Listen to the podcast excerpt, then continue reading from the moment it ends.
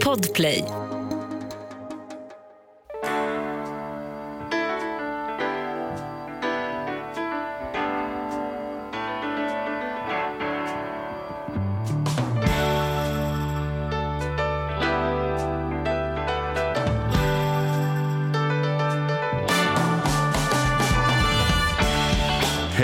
Hjärtligt välkomna till Ekonomi på riktigt med Charle, Challe och, Challe och Matti. och Mattias. Hur är läget? Det är bra med mig. Jag har i min uppfostring av Primus så har jag... För er som inte vet så är Primus Charlies barn. ja, men det vet man väl vid det här laget. Kanske, Annars får man, man kan ju första gången man 300 sätter på. Ja, okej. Man kanske Mm. tycker om eh, böcker och poliser. Då kanske man sätter på det här för första gången. Jag har en son, han är 14, han heter Primus. Och jag har liksom... Jag vet inte om du hade så med dina barn, men jag har liksom, en, inte fysiskt men mentalt, en lista på vad är det jag som förälder ska lämna vidare. Alltså han ska kunna åka slalom tillräckligt för att kunna åka med polarna på en skidresa. Han måste kunna simma. va? Han måste kunna simma, men det ingår ju liksom i skolplanen. Mm. Han ska ha varit på Operan, han ska ha varit på Dramaten, han Oj. ska ha liksom varit på en konsert. Eller liksom så här, han ska kunna laga mat, han ska kunna liksom tvättmaskinen och diskmaskinen. Alltså, jag har kanske ganska halv övre medelklass skitnödig lista på så här saker som jag tycker Ja, så här, det där med Dramaten och Operan lät lite nej, skitnödigt. men, precis, men, så är det för mig. Ja. Och då hade vi nu kvar då, då att han inte har varit på konsert. Mm. Och tidigare har han haft lite tufft med när det blir för hög volym. Så att det börjar brumma i bröstkorgen. Då, blir han liksom så här, då går lite panikgrejen igång för honom. Mm. Så det har inte blivit så mycket. Men nu var han äntligen redo då, då och så gjorde vi en sån jävla miss. Vet du.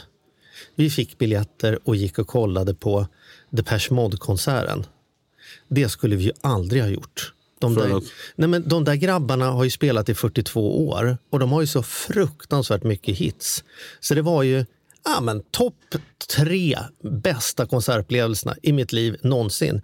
Och min stackars son på 14 nu, han tror att sådär är konserter. Liksom. Ja, de bara ja. kör extra nummer, extra nummer, så här, personal Jesus bara när man tänker så här, nu är det dags att gå hem. Och helvete, den här också. Och liksom, du vet, det bara, try walking in my... Det bara, de bara liksom rakar av dem. Och jag är ju syntare, men man behöver inte vara mycket syntare för att gilla Depeche, för det är ganska nej. rockigt. Liksom. Jag var ju hårdrockare men jag lyssnade ju först i smyg på Depeche och sen Ja. när jag vågade Ja. göra det offentligt också. Så nu känner jag att jag kommer behöva ursäkta min son, för han kommer ju vara på 100 konserter i sitt liv och säga ja, men det var ju inte som Depeche 2023 Men sam- direkt. Samtidigt får du ju vara lite stolt och som pappa. Då fick du, fick du vara med på det. Ja, det fick jag vara med N- på. när han kommer att dra sina så här, vet Ja. ni vad, jag var på. Jo, Ja, men det finns ju en grej att man börjar med Blue Nun och jobbar sig upp till champagne. Om man liksom började med champagne första fyllan, Mm. Vad fan ska man göra sen då? Liksom? Man vill inte börja med fyra på Strandvägen, man vill ju börja med en etta i Kungsängen Ja, jag hand förstår och jobba sig upp. poängen. Men eh, Så jag gjorde bort mig, han började med champagnen. Liksom.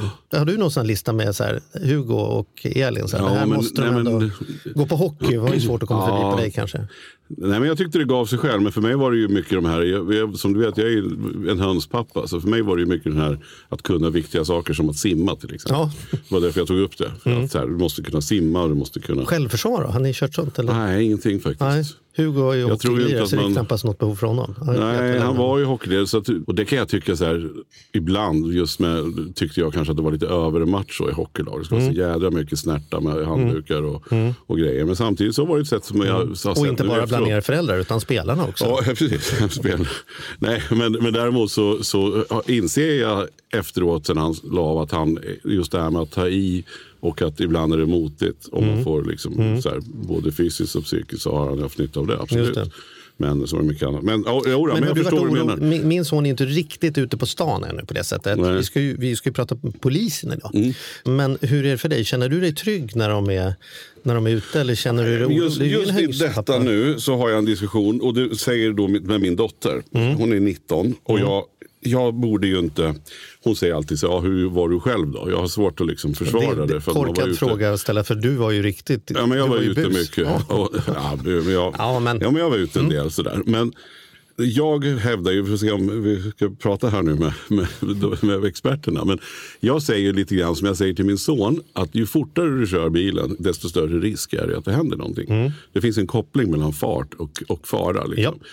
Och jag menar samma sak nu med min dotter. Jag har ingenting att säga till om. Hon, är, eller så här, hon bor ju hemma, så det, det har jag ju att säga till om. Men hon är ju 19, så hon får ju ändå ta ett visst ansvar själv. Men vad är metaforen? Nu, Köra jo, fort? men nu går, jo, du, ska, du ska få höra den. För nu går ju hon på, det är massa skivor nu liksom, inför Mhm. student och grejer så här, som hon går på. När vi spelar in detta är det studenttider. Ja. Ja, precis. Det är ju exakt Det är så. länge sedan nu, men- ja. ja. Men då är det ju så här att, att, att hon, jag försöker säga kopplingen att ju senare på natten, Mm. desto större risk. Och hon tycker så här, det spelar ingen roll om jag kommer hem två på natten, därför att jag har ju alltid någon som följer med mig hem. Eller någon, Mm. De har ett jättefint kompisgäng som liksom går tillsammans och killarna följer liksom med. Sådär. Mm. Och det är väl jättebra, men jag hävdar ändå att, att ju senare, desto farligare. Mm. Och jag tycker inte man måste vara ute till halv tre. Jag, jag kan tycka att hon kan komma hem elva. Och det, det, ja, där har vi en diskussion just nu. Som är. Jag vet inte, vi får ju fråga här. Vi, vi har ju expert, vi har ju en vad ska vi säga, författare till en bok som eh, har kommit ut Mm. nyligen. Väldigt eh, bra och spännande. Jag har dock bara, vi har inte läst hela boken, Nej. vi har inte hunnit Nej. men vi har läst Den en del av den och recensionerna. Exakt så, det kommer bli hängmatt, hängmattan nu. Man kan också lyssna på den. Men, men då har vi alltså en förläggare och författare och en, en eh, polis. som Ordningspolis har, till och med. Ordningspolis då, som eh, har skrivit. Viktor och Hans-Olof, varmt välkomna till Ekonomi på riktigt. Vi ger en liten applåd. Va?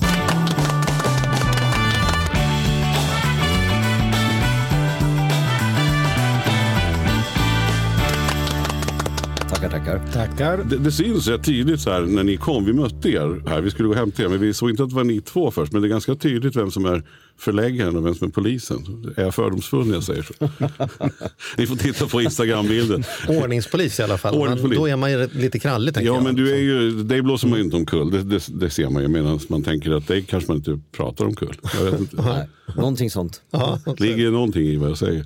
Ja, mig pratar man nog omkull i alla fall. Ja, det är så. Men du... Eh, Hur uppstod du- eran eh, allians? Hur blev ni Precis. två författare ihop? Var det självklart eller var det... Det, det utgick egentligen ifrån min obändiga nyfikenhet på lustiga och nördiga saker. Jag började följa Viktors Twitterkonto, YB Södermalm. Och eh, via det så blev jag, jag, jag såg det som att här finns en människa som, som är på riktigt. Det här är liksom inget sånt där eh, hittepåkonto utan det var riktiga känslor, det var beskrivning av den polisiära vardagen och när man ställde frågor så fick man faktiskt vänliga och korrekta, tror jag, svar också på allting. Det där var ju väldigt roligt så jag ville veta lite mer om den här killen och så käkade vi lunch. För det kan man ju göra när, man, när alla är på Söder. Och där någonstans föddes idén om att göra en bok om Twitterkontot tillsammans. Så den kom för fyra år sedan. Mm. Vad heter den?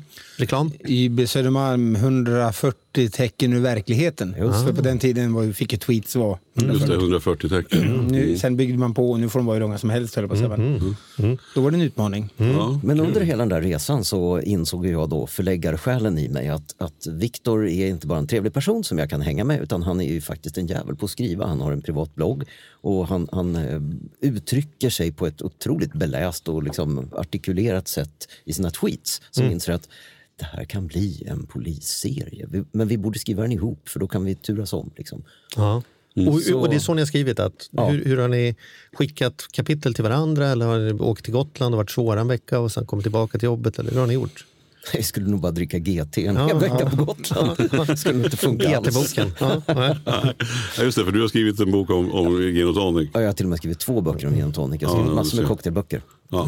Så- Ja, ja, härligt. Men, men, då blev det, men för, för Charlie och jag har ju också skrivit en bok tillsammans och då var det ju så här, man skickade liksom, fram och tillbaka kapitel och, och dona. Men hur kommer det intresset då? Vad, jag tänker du som ordningspolis, har du alltid varit intresserad? Har du läst mycket själv? Eller? Jo, det har man gjort. Läst mycket böcker och såklart eh, deckare och polisromaner och sånt där. Så, så till en grad att man har blivit lite less. Så när Hans-Olof presenterade sin idé så tänkte jag spontant bara nej. Ytterligare? Ja, precis. Jag tycker det kommer ut en i veckan och sådär. Liksom. Och, och, inget ont om dem, men man, ja, jobbar man i det så, så finns det väl liksom kommer man väl till en gräns när man tycker att sånt där inte är så kul. Men han presenterade sin idé och utifrån att det här skulle vara poliserna i uniform och, och den ytterverksamheten som är huvudpersonerna. Och det är lite nytt. Annars brukar jag säga skämtsamt att det är en kommissarie som dricker röker whisky och lyssnar på jazz hemma och så bara Där, Ja. där kom man på det. Liksom. Just det. Och det vill man bort från. Liksom. Eller jag ville det. Jag hade Är inte det lite hemma. förnedrande på någon mening när man är ordningspolis och, och tar allt och gör allting på plats och sen är det någon, Ja, men någon ja, det, det är lite bortglömt alla fall. I tv kom ju den här uh, tunna blå linjen som Ja. liksom med den äran skildrade Ja.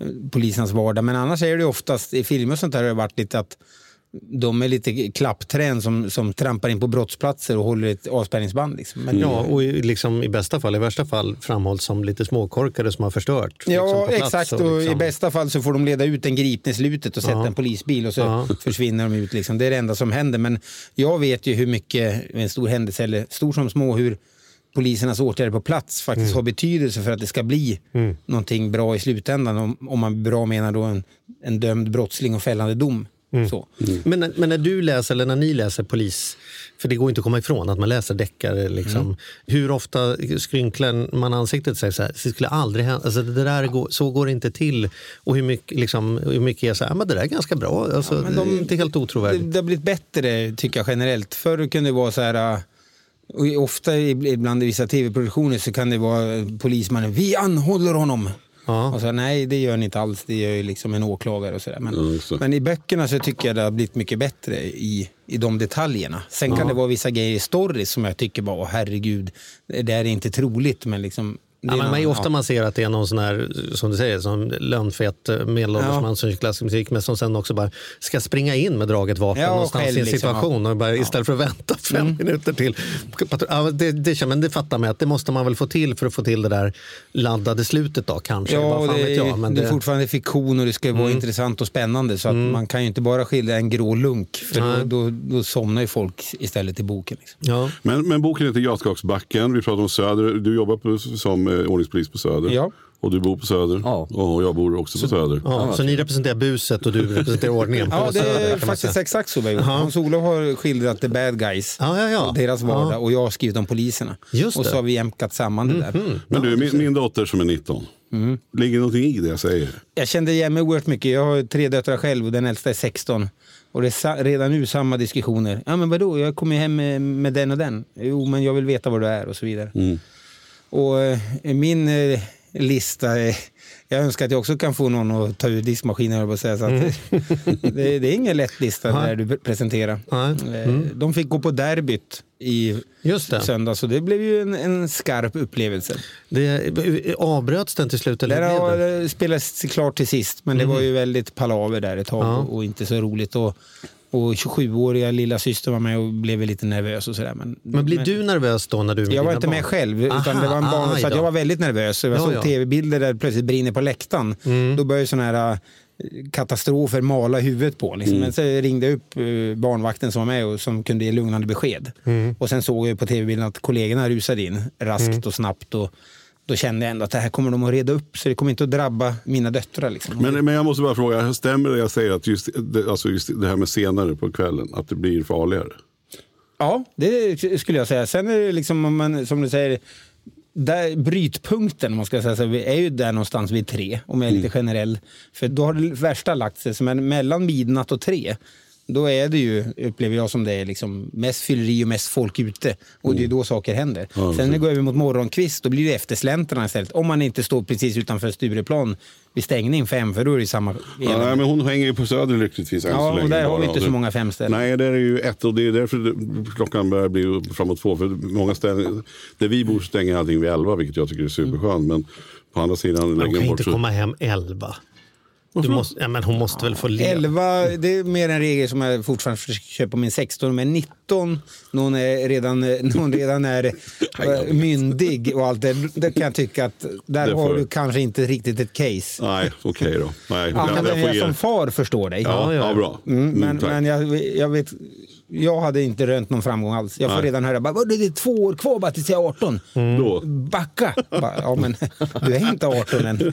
Men, Nej, men man kan ju Men- inte slänga men- ner folk i djupa ändan på poolen och bara tänka att man, de måste ju få öva på det grunda. Man får väl öva när man är 16 så jag man är man Ja, ja, 18. men jag låter ju här. Jag, ja. Ja, ja. Du och jag kan följa med istället och sitta i baren och ta en whisky. Så bara, vi behöver inte hälsa, behöver ingenting, men vi kan Ja, det blir pinsamt. ta taxin hem vid två där. Då ska du se att de plötsligt har gått hem 11. Ja, det är någon gång de går hem elva så är det ju då. Men du, vi har lite sån här fördomsbingo. Eller liksom så här, man läser ju väldigt mycket om i tidningarna om hur det är för polisen och hur det är där och sådana saker. Så att det är så skönt att, att kunna prata med någon som vet på insidan. Hur mår polisen? Det har ju varit mycket tjat om dåliga resurser, svårt att få poliser och organisation. Liksom så här, jämfört med hur det var förr och nu är det hårt. Liksom, hur mår polisen skulle du säga?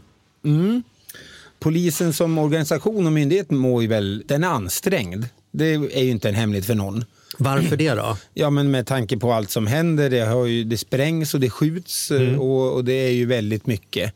Och i storstäderna så det, finns det problem med, med, liksom med eh, gängkriminalitet och så vidare. Det belastar. Samtidigt pågår ju allt det andra vid, vid sidan av. Och Särskilt här i Stockholm är det ju EU-möten, det är ju nu ute i landet också, men det är derbyn, det är demonstrationer. Det är, så att, Samtidigt får vi stora tillskott av resurser och framför allt, viktigast av allt, är ju av personal.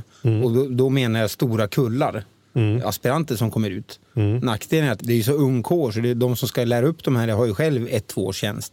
Ja, ja, ja. Det är det många, så, ja, så att- genomsnittsåldern har gått ner på poliser kan vi konstatera. Ja, det har den gjort. Och säger Ja. att vi har, men vi har ju legat efter också. Sådär. Men, men vi har som sagt, man har fått till löneökningar, vilket är bra. Det vad, måste- tjänar, vad tjänar man som ordningspolisen? Ja, som ny, vad är det man har nu? De har ändå en ingångslön på 30. Mm. Till och med lite över nu om jag minns rätt, viss reservation.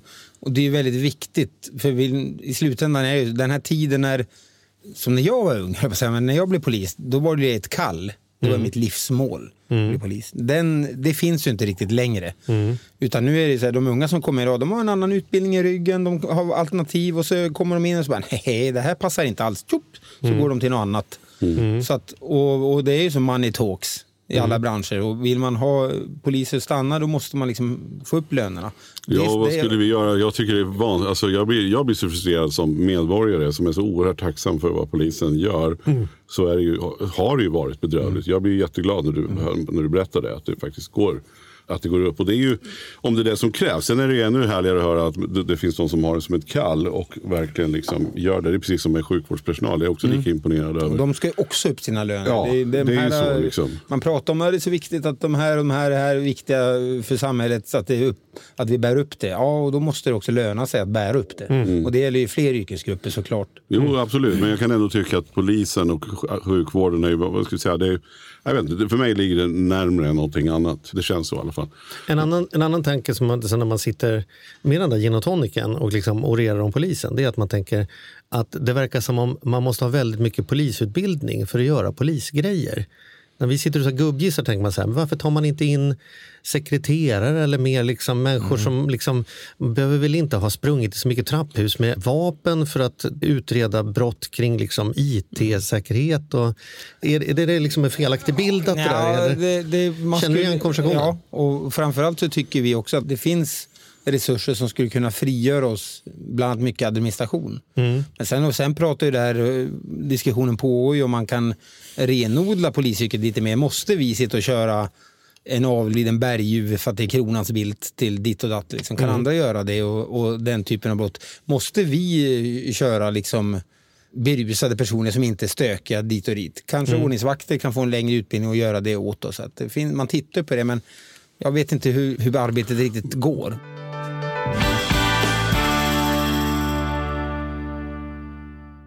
Den här podden gör vi även den här veckan i samarbete med Saveland. Fan vad kul det är att ha dem med ombord. Mm. Jätte, jätteroligt. Ja, vi brukar prata om att man har något band som man såg jag stod Bo Kaspers jädrigt tidigt liksom, innan man gjort tv-debut. Och du har något hårdrocksband som du var jävligt tidig på. Ja, alltså jag var på, på Lilla Teatern Göta Lejon och såg Metallica Ja. 1984. Så gammal är jag. Och jag var i kontakt med Saveland när det fortfarande var typ tre, fyra personer där från början. När jag fick möjlighet att träffa dem. Eh, och nu är de ett stort bolag, fyller tio år, finns på börsen och jobbar helt enkelt med att vanliga privatpersoner och företag kan investera pengar eh, i eh, lån och krediter. Så man får riktigt bra ränta. Så eh, det rullar på efter tio år, bättre än någonsin. Fantastiskt kul att ha dem med här i podden.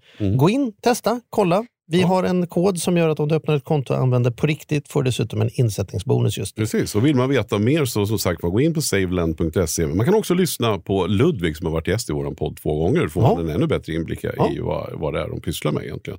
Men eh, ja, saveland.se och stort tack. Ett poddtips från Podplay. I fallen jag aldrig glömmer djupdyker Hasse Aro i arbetet bakom några av Sveriges mest uppseendeväckande brottsutredningar. Går vi in med hemlig telefonavlyssning och, och då upplever vi att vi får en total förändring av hans beteende. Vad är det som händer nu? Vem är det som läcker?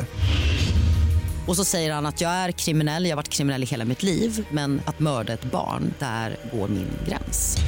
Nya säsongen av Fallen jag aldrig glömmer på Podplay. Man går igång på det här, det är så intressant tycker jag. Men, men du nämnde Tunna blå linjen förut. Jag, jag tycker den är jättebra, jag har följt båda, båda säsongerna. Och när man ser den, då, då får man, är det någon man får sympatier så är det ju liksom när man tittar på, för det upplever jag som verklighet. Eller, jag fattar att det är så här, just det här när folk står och filmar med en mobiltelefon rakt upp i ansiktet och säger en jävla massa taskiga ord. Hur klarar man att inte liksom... Ja, man måste ju ha en, en självdisciplin och en rutin. Och det är ju tyvärr så att det finns ganska många exempel på när poliser inte klarar det. Utan går fram och river ner folks mobiler och du får inte filma mig och sånt där, vilket är fel. För man får ju filma. Du får inte filma på ett sätt att du hindrar mig i mitt arbete. Det vill säga kliva fram framför mig och trycka upp den så här om jag står och pratar med någon. Då hindrar du mig. Det avbryter jag.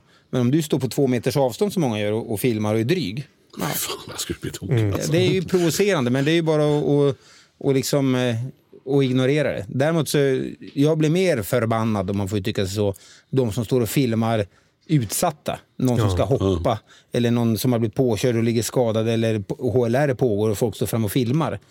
Liksom det. Och Ja, det, precis. det där kan ju bli det här uh, olaga integritetskränkningen, men det krävs att du faktiskt sprider men för en anhörig om, om deras eh, son ligger knivhuggen och död där och någon står och filmar, det är väl skitsamma om det där sprids. De vill inte att det ska filmas. Nej. Nej, verkligen inte. Men har du, du har ingen rätt att ta, du går ta fram Jo, ta- jag jagar bort dem. Ja, du gör Säger, det. Ja, ni ska inte stå här och filma, försvinna härifrån. Liksom. Mm. Och, och sen så ser jag till att hävda den här platsen med, med ett avspärrningsband eller något. Känner du dig mer hotad eller att det här med skjutningar och sånt där, är det läskigare att vara polis idag än När du började? Man, läskiga, men man är ju medveten om att det är ett hårdare klimat. För jag tänker likväl som, som du är rädd om dina döttrar så tänker jag att dina döttrar tänker nog en hel del på pappa också. Då. Ja, ja så, kan, så är det säkert. Och, och man vet ju om att det är mycket, betydligt mer vapen där ute. Liksom. Och, så det har man ju med sig.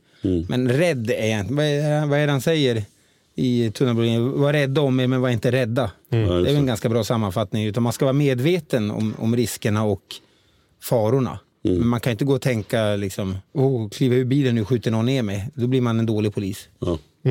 Men det är, ja, det är tufft. Alltså, det är ju en sak att säga det, jag kan fatta det. Men det är en sak att kliva ur bilen i de där utsatta situationerna och behålla lugnet. Liksom. Ja, och eh, som sagt, man ska vara lämplig, ha lämpliga personliga egenskaper och allt det där. Men det är ingenting som du kan träna på polishögskolan utan det kommer ju genom att du utsätts för det. Där är det ju faktiskt ett learning by doing. Ja, Erfarenhetsbasen. att du är i upplopp eller derbyn eller fulla människor som skriker eller lägenhetsbråk där det allt är kaos.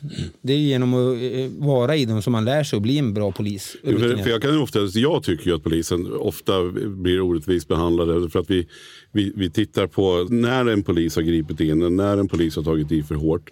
Det är naturligtvis inte okej och det är inte bra. Framförallt inte när det blir stora konsekvenser av det. Men då, jag har till och med kompisar som jag kan bli vansinnig. De är väldigt snabba att lägga ut ett klipp när någon polis tar något grepp och, och, och värjer sig. Medan de, de inte lägger ut och liksom på Nej. förövarna. Oftast är det så här ett 15 sekunders klipp av ett händelseförlopp som kanske är på flera minuter. Exakt, man har ingen aning om vad det är och sen så Nej. blir det hatkampanjer och folk Mm. skriver på sociala medier och sånt där. Jag kan bli vansinnig på det där. Jag Det är menar, väldigt eh, liksom, och en polis måste ju få göra fel också. Ja, och så ofta, man får ju vänta. Jag kan också, om, det där kommer ju ofta på Twitter, där är liksom, "Ja, titta här!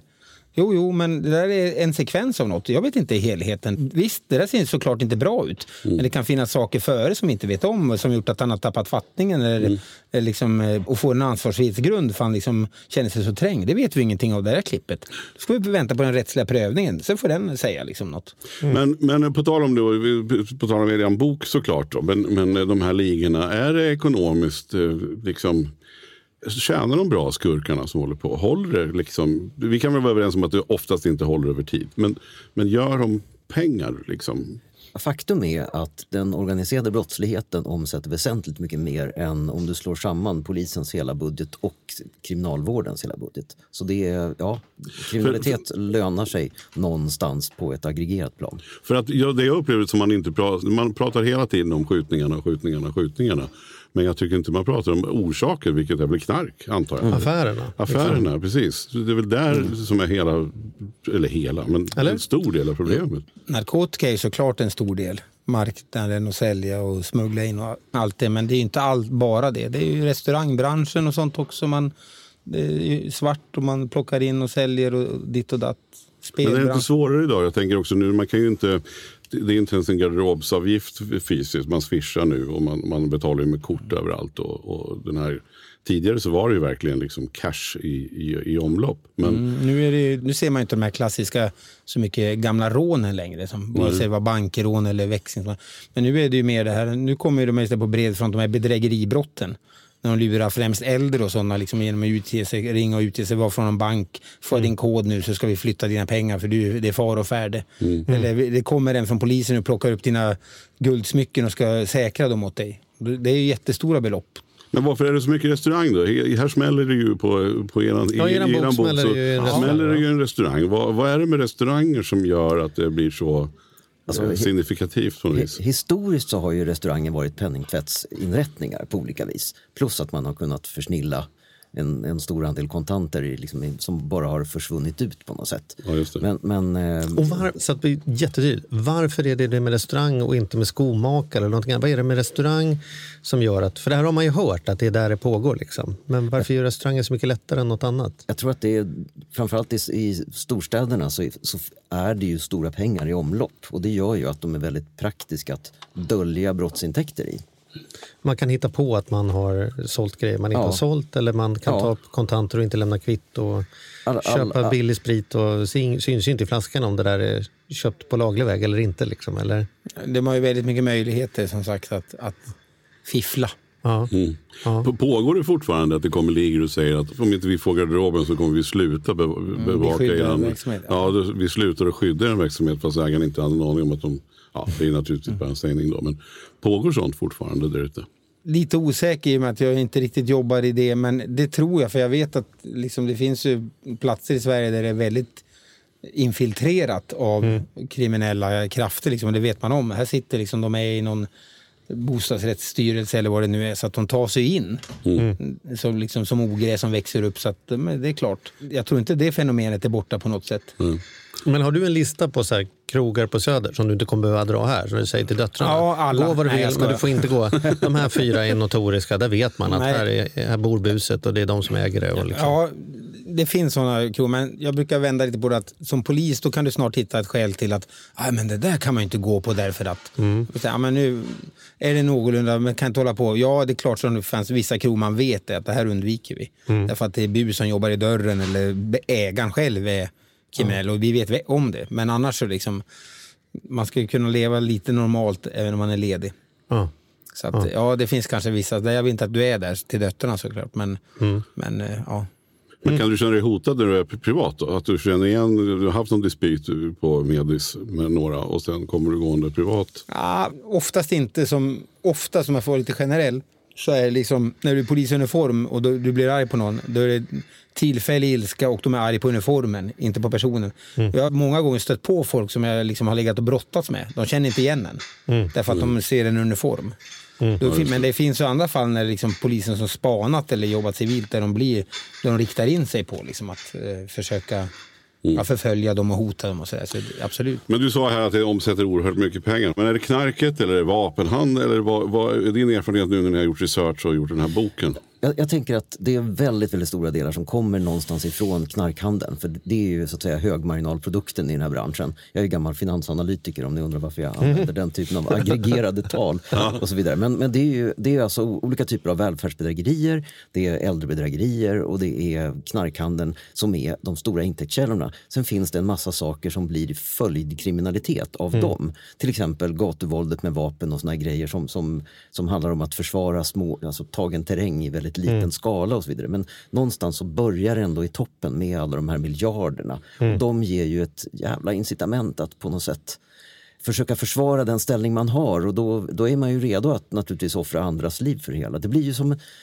Alltså det blir som trading i värdepapper. Det, det kan bli jättestora intäkter om du lyckas men riskerna är också jättestora. Det finns massor med folk som har liksom blött ihjäl sig vid handlarborden på Stureplan. Mm. Inte bokstavligt talat men bildligt talat i alla fall. Mm. Och det är samma sak, liksom. du har höga försäkringskostnader därför att varannat parti av smuggelvaror försvinner eller snors av polisen eller någonting sånt där. Och, och, mm, så, att, så att det, är en, det är en högriskverksamhet men då, då handlar det om liksom att den som har det mest välstrukturerade våldskapitalet kan klara sig bäst och har man dessutom lite business smartness så vinner man.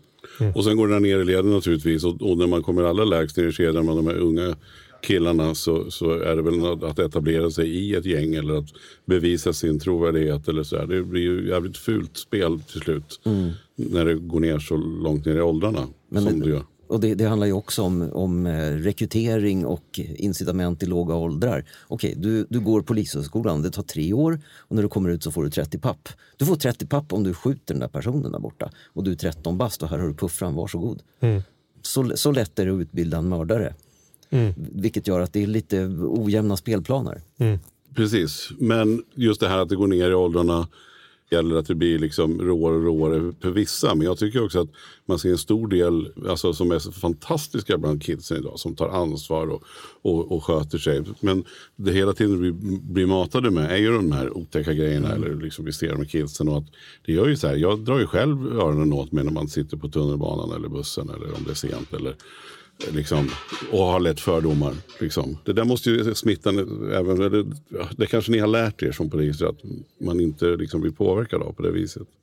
Ja, man, det gör man och man blir liksom lite, inte avtrubbad men van. Ja, ja mm. på, ett, på, ett, bra sätt kanske. Mm, ja, men precis. Ja. Mm. Men finns det en tes här som stämmer då? Att det är mindre mängd bus liksom, en lördagkväll än vad det var för 20 år sedan. Men det buset som väl är, är grövre och besvärligare. Liksom, så här. Är det liksom färre människor som slåss på stan, men de som slåss tar dessutom fram ett knogjärn? Liksom. Mm, nej, så kan man inte säga. Nej, det tycker jag inte tyvärr. strömmen av jobb kopplade till nattlivet är hög och konstant. Mm. Sen kanske stimulit eh, ändras över tid. Om det är mer droger nu än alkohol så mm. liksom mindre massivt fylleri. Men istället så är folk, drar de en lina. Mm. Man ska generalisera lite. Ja, just det. Mm. Ja. Mm. Finns det något särskilt kul eller intressant händelse som du har varit med om? Som, som, är, liksom, som du är stolt över eller värt att berätta? Eller liksom, inom det polisiära? Inom det polisiära. Anekdot-bingo? Ja, oftast är det ju tyvärr bara dramatiska otäcka saker. Mm. Men, men eh, visst, den där... En har du skjutit någon till exempel? Nej, det är den vanligaste frågan jag får. Ja, jag bara, bara, bara med elvapnet. Har du blivit ja. skjuten på? Nej, inte det heller, tack och lov. Mm. Kastad på och sådär och spottad och allt det där. Men, ja, men inte... Det har inte varit så här Adolfsson fick ta till trubbigt våld? Nej, eh, precis. Ja, det har det i och för sig varit. Ja, Batongen har fått... Nej, men däremot så som är speciellt för mig det var att när jag var yngre, 30, då eh, fick jag hjärtstillestånd. Och så vart jag räddad till livet och en ambulansman kom och fixade det där. Liksom. Sen några tio år senare när jag jobbade på Söder så gick det ut ett sånt här larm om, om eh, hjärtstopp. Och nu mm. har vi såna här defibrillatorer i polisbilarna. Så mm. vi åkte dit och, och där låg det man och vi började hålla på, ambulansen var där. Och jag började hålla på med eh, kompressioner och, och hjälpte ambulansbilen. Sen när jag tittade tyckte jag det är något bekant med ambulansmannen. Så bara, och det var ju han som räddade mitt liv. Nej. Och nu räddade vi och fick igång hjärtat på den här personen ah. tillsammans. Paid forward du. Ja, det var ah. verkligen paid forward. Och just ah. det jag kände att det gå upp för mig, fan, det var ju Stefan. Han mm. som räddade mitt liv när jag hade 14 hjärtstillestånd. Liksom. Ah. För 10-12 eh, år sedan. Då var det med det var speciellt för mig. Otroligt. Ja, ja det måste jag verkligen. Ja, det finns ju en app man kan ha om man har ja, sms livräddare. Sms livräddare mm. som, som eh, Andrea får larmen. Och hittills inte, vi bor så centralt så hon har aldrig hunnit fram Nej, det, först men eh, springer ofta på det för att hon är mer självsäker. Det, det är ett tydligt larm när signalen går i mobilen, ja, så kan man säga. Ja. Och jag har förstått ju... att det har gjort en enorm skillnad. Mm. Det och att man satt in hjärtstartare på brandbilarna. Brandbilarna och även taxis och sånt har nu... Och... Tio gånger fler ja. i, i, Stockholm i alla fall som överlever. Vi, och, och det som är bra att när det, då funkar det så att när det kommer in ett larm om hjärtstopp då trycker så, så, då går det ut larm till både brandkåren, ambulansen och polisen. Ja, och, och till de 30 närmsta Ja, precis. Så det är ju ofta någon på väg snabbt. Och, mm. och som de säger, hjärtstillestånd handlar ju om, ibland om sekunder, men minst minuter. Liksom. Mm. Man, Det får Hur inte var det för dig då? Varför fick, fick du av någon anledning? Eller var du... Ja, jag har en, en hjärtsjukdom. Ja, okej. så här, så men nu, jag, nu är jag frisk och Det var jobbar. inte och på så. grund av det polisiära Nej, det jobbet? var det inte. Det, utan det var utöver. Men vilken fin historia. Ja. Och en annan så här, som jag har tänkt på, kanske dum fråga. Eller nej, det är ingen dum fråga. För jag undrar faktiskt, när ska jag ringa 114 14 och när ska jag ringa 112? Det där, det är ingen dum fråga, den får jag ofta. ja, vad bra. Då, Ja, då ja, var det nej, bra du ska ställa. ringa 112 när det är pågående brottslighet. När du ser något eller vet att det här pågår detta nu. Och det, det kan vara liksom, ja, i stort sett alla brott. Mm. Klotter, pågående klotter, 112. Pågående misshandel givetvis. eh, Sjukdomsfall eller eh, sådär. Man är så ser rädd att belasta i onödan. Förstår du vad jag menar? Jag hade Ja, någon i trapphuset ja. som levde rövare. Och, Men okej, och jag säger liksom. en man som ligger i trapphuset och sover. Så Mm. bara, men han är inte behörig här. Men han, han behövs flyttas på, men ingen fara. Nej, då kan man ju ringa ett- 114. 114. Ja. Ja.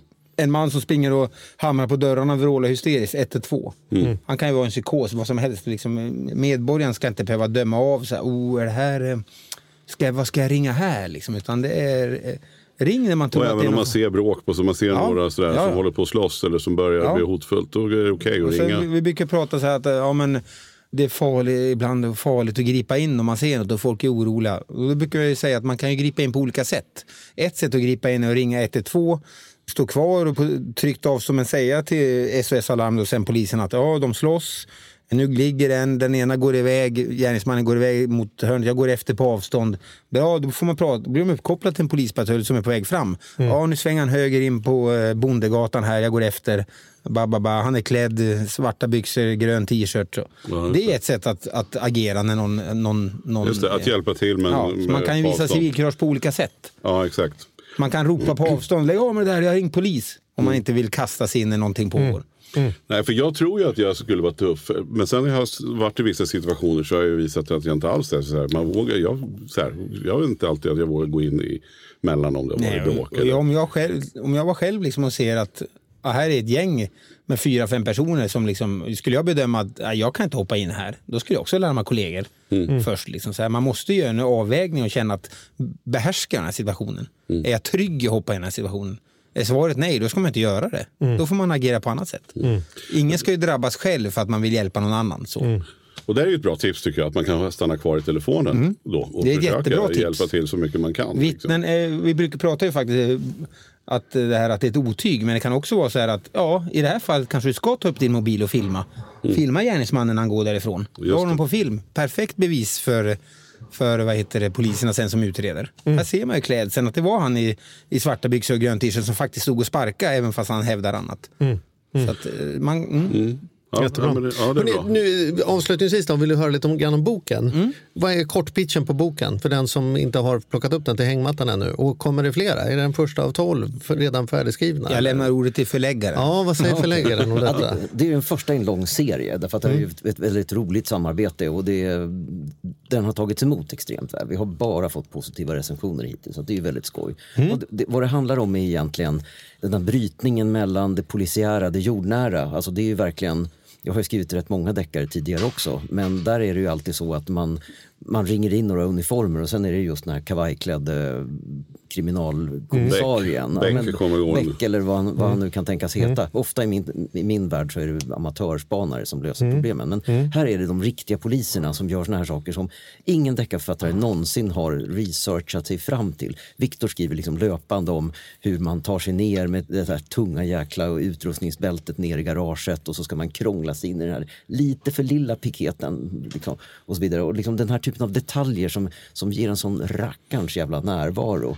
Vi har det väldigt jordnära polisiära. Som är, det är liksom lite munterhet mellan eländet också. Man får gå in och gripa och brottas med en buse men sen så kan man faktiskt åka och ta sig en korv på Günthers. Och det, det, är liksom, det är helt okej. Och så finns det också busar som är på något sätt av kött och blod. Man, man, eh, man identifieras lite grann i alla fall med den här store finske busen Risto.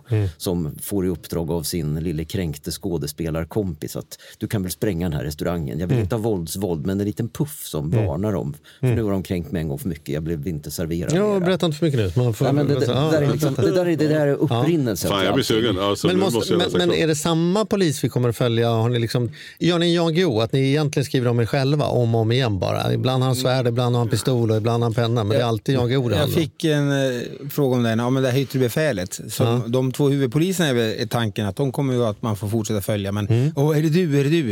Eh, Och jag säger, svarar så här, han är den typen av yttre befäl som jag önskar att jag hade varit. Ja, ja, ja. ute, Men inte som jag var. Det är ganska viktigt. Mm, Okej. Ja. Jag, jag får ju lite friare händer då när jag skriver buset för jag kan inte påstå att jag är en 1,96 lång grovt yrkeskriminell finne liksom, som Nej. heter Risto. Vad, vi, Däremot- vad vi vet.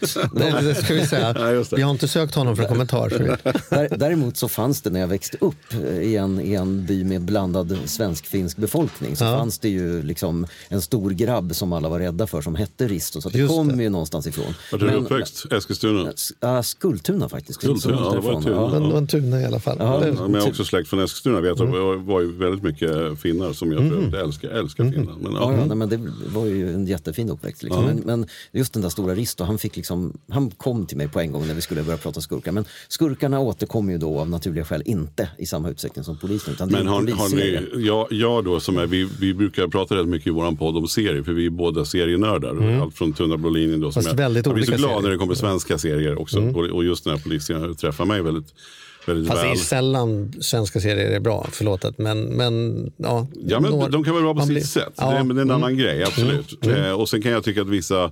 Tunna blå linjen här- får vi verkligen. Ja, den, den ska vi slå slag för. Ja. De gör det verkligen bra där på Anagram, produktionsbolaget. Oj, Men, men vi är ju verkligen tv-serienördar. Jag, kan, jag kan säga punkt där då. Och därför så undrar jag, har ni börjat eh, jobba på, på, någon, alltså på rättigheterna och få ut den här på, som tv-serie? Det måste ju ändå vara en dröm, eller? Netflix skulle ju göra kanon av den här. Liksom. Ja. Ja. Men det är inget signat och klart så att säga. Det är inget signat och klart, nej. Nej. Men det är klart vi jobbar på det. Vi, ju Vi flörtar lite med Netflix här. Eller, sen har vi andra plattformar. Ju. Många nu som är på gång att göra svenska saker. Så att, Mm. eh, vi får hålla tummarna. HBO måste ju ha en uppföljare, alltså någonting som verkligen engagerar på samma sätt som Succession som tog slut alldeles Ja. Ja, exakt, har, ja. Och här har de det. Ja, här har de det, exakt samma. Ja. Och får ni till det, då vill Mattias och jag jättegärna ha en roll där vi sitter i baren som bus eller något. Vi eller kan få sitta och dricka gin och tonic i Ja, bakgrunden ja, kanske. I, ja, någon, i, någon, bara det. i, någon, I någon bild kanske. Ja. Ja. Ja. nej, men det var, Ja, men det spännande. var, var kul att ni ville komma hit och eh, lycka till med boken. Har du något mer? Jo, ja, I och med att vi, vi pratar väldigt mycket polis. Ja. Får jag då slå ett slag för den här podden? Ja, det ska vi göra. Ja, Ja, i, Efter, om man då, det finns då en podd som är med som heter Hur var det här då? Och det är ju fyra poliser som, eh, och sen leds vi av en målare men, eh, som är lite monitor. Och där eh, får man både inkomma med lyssnarfrågor och sen något som vi kallar för kändisfrågan. Och en, en lite mer eh, offentlig person som inkommer då med valfritt spörsmål och så pratar vi om det, svarar på frågor och diskuterar. Det kan jag tänka mig är väldigt intressant. För jag, jag vad märker ju bara hur mycket vi går igång Ja. här på. Det, Ja, det, så- det rör ju en alla på något sätt. Ja, så, så lyssna och hör av er till Hur var det här då? Hur var det här då? Hur var det här då? Och boken hette Götgatan? Götgatsbacken. Götgatsbacken heter den. Ja, Mm, där har man gått. där har man gått Vågar man kanske inte gå efter man har läst den här boken. Vi får se. Ja, vi får se. Ja. Det tror jag nog. Tack så mycket för att ni kom hit. Ja, verkligen stort tack. Tackar. själva. Tack.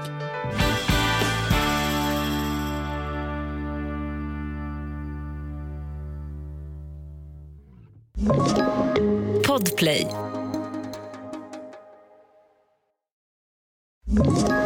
Ett poddtips från Podplay. I fallen jag aldrig glömmer djupdyker Hasse Aro i arbetet bakom några av Sveriges mest uppseendeväckande brottsutredningar. Går vi in med hemlig telefonavlyssning och, och då upplever vi att vi får en total förändring av hans beteende. Vad är det som händer nu? Vem är det som läcker? Och så säger han att jag är kriminell, jag har varit kriminell i hela mitt liv men att mörda ett barn, där går min gräns. Nya säsongen av Fallen jag aldrig glömmer på Podplay.